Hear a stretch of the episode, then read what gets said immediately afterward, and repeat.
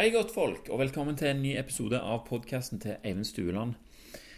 En nyhet denne uka her Denne uka her, jeg ligger bare ute av uke. En nyhet denne episoden her er at eh, det nå er mulighet for å støtte podkasten via noe som heter Patrion. Og for deg som ikke vet hva det er, så er det altså en portal der det er mulig å donere en dollar eller to eller hva du vil for å støtte podkasten, da. Uh, dette er noe som jeg har vurdert tidligere, men jeg har liksom slått det fra meg. Jeg har, uh, jeg har ikke fått meg sjøl til å gjøre det, rett og slett. Jeg har hatt det så godt med podkasten siden jeg slutta med reklame og ikke trenger å be lytterne mine om noen ting.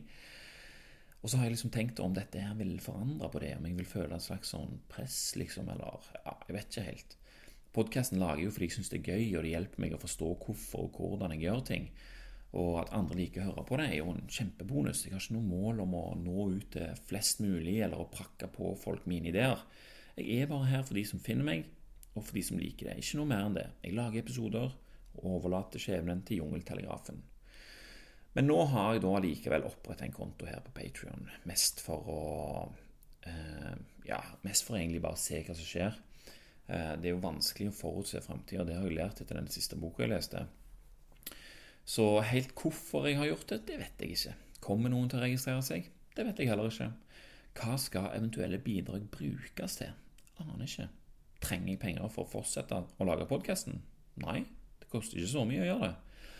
Har jeg noen andre argumenter for at du skulle gi bort noe av dine hardtjente penger? Nei, det er ingen god grunn til at du skal støtte podkasten, utenom den du kommer på sjøl.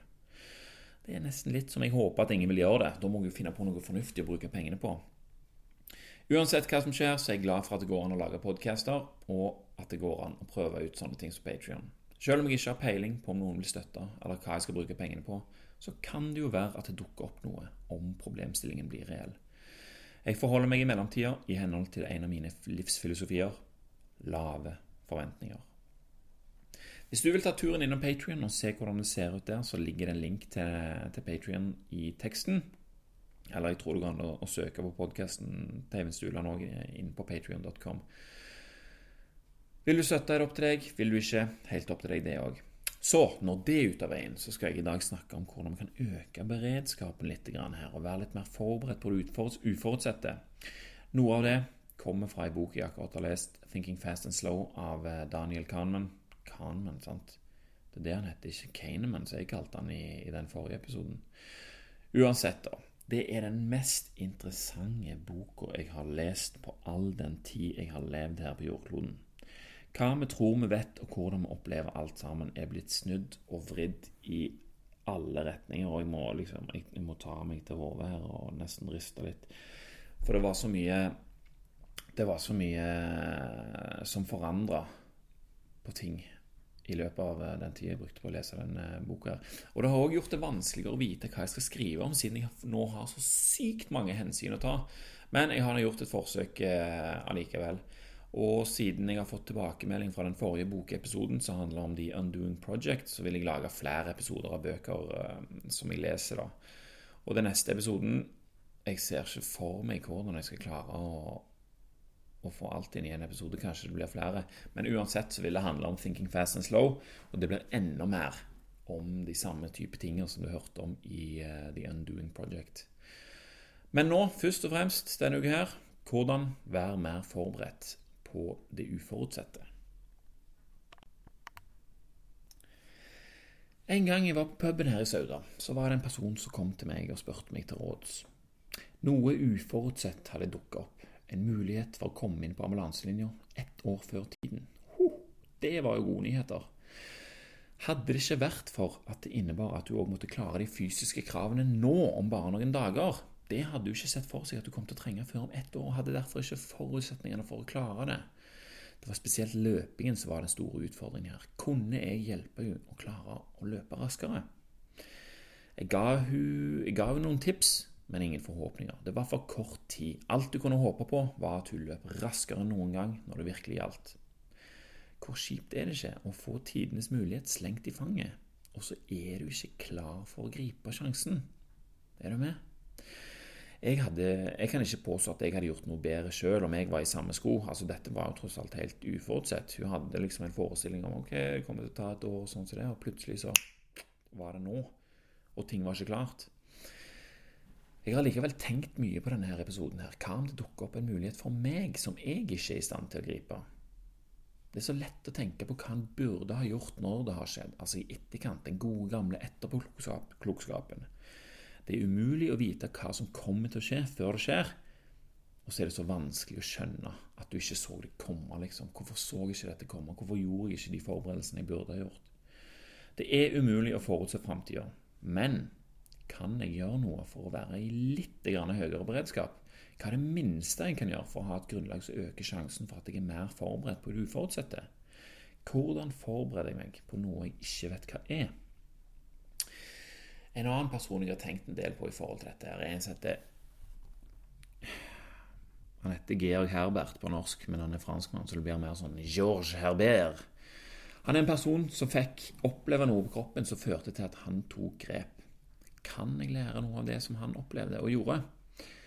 Herber han var stasjonert på Mauritius i eh, Karibien når det, det kom et vulkanutbrudd som ødela byen St. Pierre. Dette her er jo lenge siden Og Det var på Hvor var ikke, hvor var ikke tatt noe tid det var? Jeg lurer på om det var på slutten på 1800-tallet.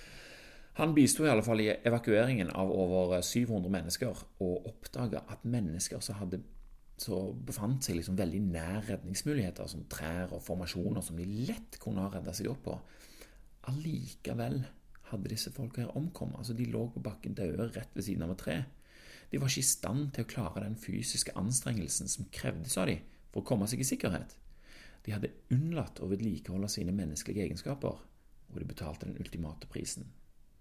Georges ble preget av dette og bestemte seg for å gjøre noe. Han satte i gang et storstilt eh, prosjekt i den franske hæren når han kom hjem. Han ville gi soldatene opplæring i viktige og grunnleggende menneskelige egenskaper, som å hoppe, løpe, krype, klatre, svømme og generelt inneha et ferdighetsnivå som lett kunne tilpasses andre, mer krevende oppgaver. Altså Hvis du kan disse tingene her, så, så har du liksom det grunnleggende på plass og kan lett tilpasse det til en mer spesifikk oppgave. Vær sterk for å være nyttig, var et av hans slagord. Inspirasjon til programmet sitt samla han òg på, på, sine mange reiser rundt om i verden, og han lot seg imponere av urbefolkningen. De hadde fantastiske kropper, fleksible, kvikke, dyktige og utholdende. Likevel så hadde de ikke annen veileder innen gymnastikk enn deres egne liv i naturen, er noe han har sagt en gang. Han sa det på fransk, da. Han hadde sett hva det kosta å forsømme disse ferdighetene her. Det var mer alvorlig enn å ikke komme inn på ambulanselinja, for å si det sånn. Denne historien her, den hjelper meg å forstå hvorfor jeg er tjent med å gjøre noe. Altså, Vi har ikke særlig fysisk krevende liv i naturen som lærer oss dette her nå, men har vi godt av å late som om vi har det? Mm.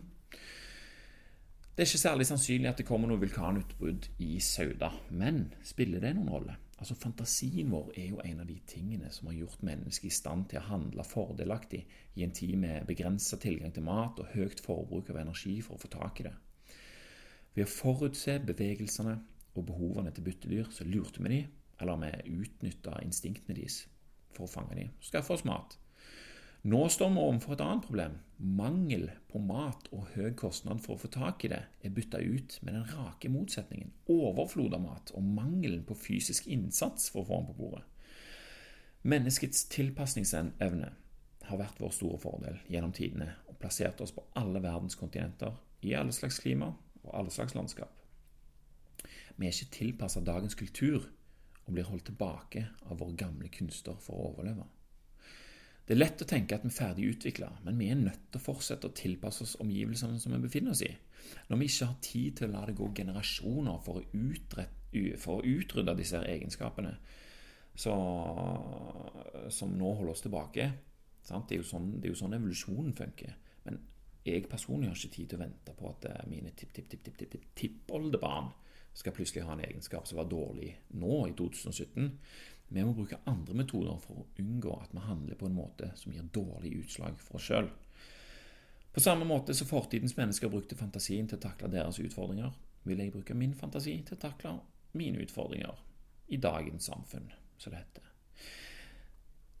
De som tilpasser seg, får det bedre enn de som ikke gjør det. De kan takle utfordringer og utnytte muligheter som måtte komme på en bedre måte. Så, når de tingene er ute av veien, hva skal, hva skal, jeg gjøre da helt konkret? Altså, Skal jeg sette meg hårete mål og starte med ting jeg ikke kan? Liksom, jeg skal, nå skal jeg være klar for alt. Eller kan jeg begynne i det helt små og ta for meg ting i hverdagen som jeg kanskje allerede gjør? Altså trening på en måte som gjør meg sterk, så jeg kan være nyttig, som eh, George Herbert sa. Eller er jeg bare sterk? Og er det bare sterke jeg trenger å være? Altså, Jeg vil ikke spesialisere meg for mye. Plutselig er det behov for kondisjon og smidighet. Og, og jeg har bare fokusert på å være sterk. Altså, da vil jeg jo ha forberedt meg på feil ting. Warren Buffett, dere vet hvem han er, investoren, han sier Han har jo, han har blitt eh, en av verdens rikeste menn, og det er den liksom personen som er best på, på å kjøpe og selge aksjer og, og, vinne penger. Men det som har gjort han så rik, det er ikke det at han har fokus på å få mest penger. Sant? Eh, han velger seg nøye de aksjene han vil satse på, basert på å minimere sjansen for å tape penger. Kan vi tenke på det samme om kroppene våre? Kan vi lage en fordel for oss sjøl ved å tenke at vi vil unngå forfall? Si at du har 100 kroner. Så taper du 50% av 100 kronene. Da er det ikke 50 du trenger å øke for å være der du var. Sant? For 50 av 50 kroner er jo bare 25, da er du bare oppe på 75. Hver gang du taper 50% så må du øke det du har med 100 da. Det viser jo bare hvor mye eh, en kan ha igjen for å ikke forfalle, og ikke gå tilbake, ikke tape. Sant? Det er ikke så mye som skal til for å holde på det vi har oppnådd. Det er vanskelig å holde seg på det, nivået, eh, på det, på det beste nivået en noensinne har vært på, men det er lettere å komme tilbake der om du ikke har falt for langt tilbake. Kona mi hun sier alltid at jeg ikke kan sammenligne meg med andre siden hun mener at jeg har så gode gener. Det kan godt hende, men det er bare én del av kaka. Jeg gjør òg andre ting som fører til at jeg ikke forfaller så mye om jeg skulle gå to måneder uten trening. Det vil ta meg kort tid å hente meg inn igjen. Hodet henger som kjent sammen med kroppen, og det handler mye om hva jeg tenker når jeg gjør ting òg. Det fins utrolig mange måter å holde seg i form på. Det er jeg klar over. Og de tingene som jeg gjør eh, daglig, er de tingene jeg mener jeg har mye igjen for, selv om investeringen er så lav som man omtrent kan bli. Om jeg ikke får gjort annet en dag enn det jeg har bestemt meg for, så vet jeg at jeg i minste har gjort noe. Altså for å øke sjansen for at det blir gjort, så gjør jeg dette her om morgenen. Da er kroppen stiv og støl etter natten og har størst behov for bevegelse og blodgjennomstrømning. Hjernen er restituert og har ennå ikke blitt forstyrra av for mange inntrykk fra utsida. Det er nå den er mest mottagelig for mine bevisste tanker. Og de første tankene mine skal være fordelaktige for meg sjøl og føre, til at det blir enklere å ta gode beslutninger utover dagen og på lang sikt. Klarer jeg å gjennomføre det jeg har bestemt meg for om morgenen, kan jeg notere dagens første seier til meg sjøl starte dagen med en positiv holdning. uh, jeg klarte å gjøre noe i to minutter og skal liksom føle meg bra pga. det, sier du kanskje. Ja, det spiller ikke noen rolle om målene er latterlig lave. Det er litt av poenget. De er så lave at det er nesten umulig å ikke klare det. Oddsene er mye høyere da for at hver dag starter bra. Og for hver dag som starter bra, setter rutinen seg dypere. Og nå har jeg jo ikke sagt hva det er jeg egentlig gjør, da. Men det som jeg gjør, jeg kommer ned i stua, trøtt og sliten sånn som alle er når de står opp. Men jeg setter på vannkokeren, og mens jeg venter på at, den, at vann skal koke, setter jeg hendene i, hendene i sida, roterer godt på hoftene. Etterpå tar jeg et kosteskaft som jeg har stående i stua, og bruker det til å bevege skuldrene og rotere på overkroppen. Og mens jeg sitter her nå på pulten, så merker jeg jo at jeg gjør disse bevegelsene her for å vise dere hvordan jeg gjør. Men eh, jeg skjønner jo det. Dere kan ikke se det. Uansett. Eh, det er det eneste jeg gjør. Det er det eneste jeg har som mål å gjøre den morgenen. Rotere på hoftene, bevege opp skuldrene. Det var det. Nå vet jeg at kroppen får en bedre dag enn om jeg ikke gjorde det. Min, fremtid, frem, min fremtidige kropp og sinn er bedre stilt enn hvis jeg ikke gjorde det.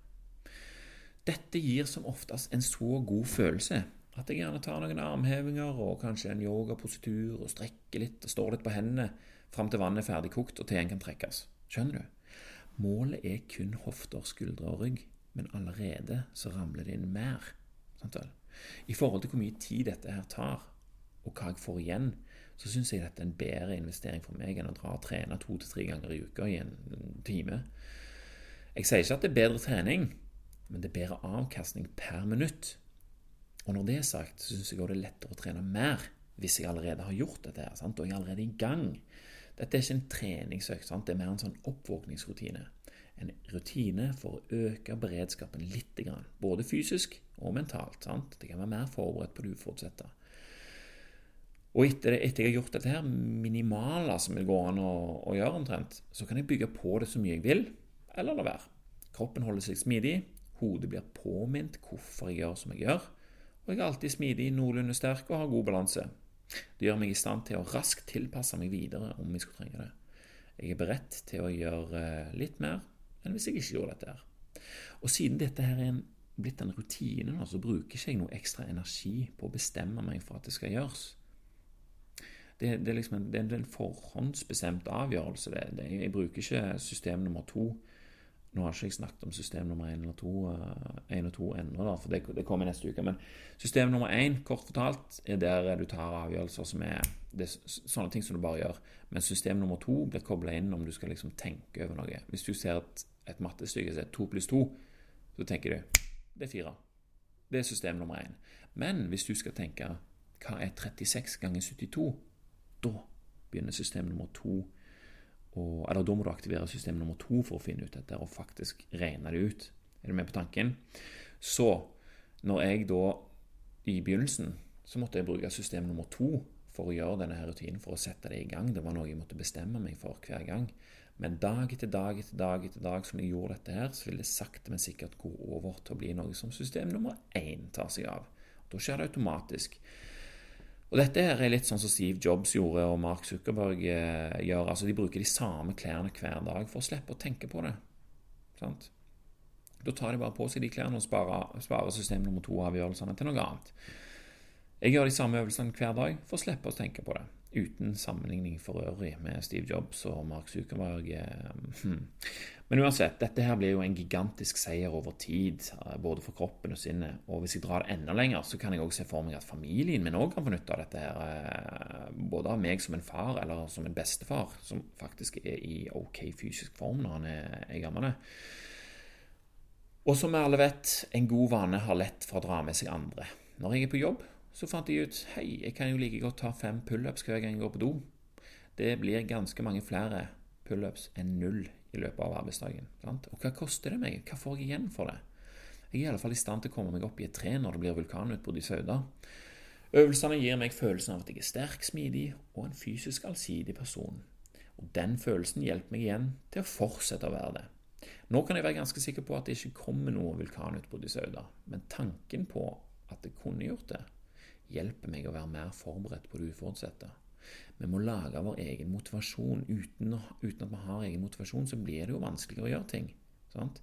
Og den motivasjonen bruker vi så lenge vi trenger å eh, aktivere system 2 for å sette i gang denne vanen, helt til den har gått over i system nummer 1. Og da er, det, da er det plankekjøring resten. Beredskapen min er på et høyere nivå enn om jeg ikke hadde gjort disse tingene her.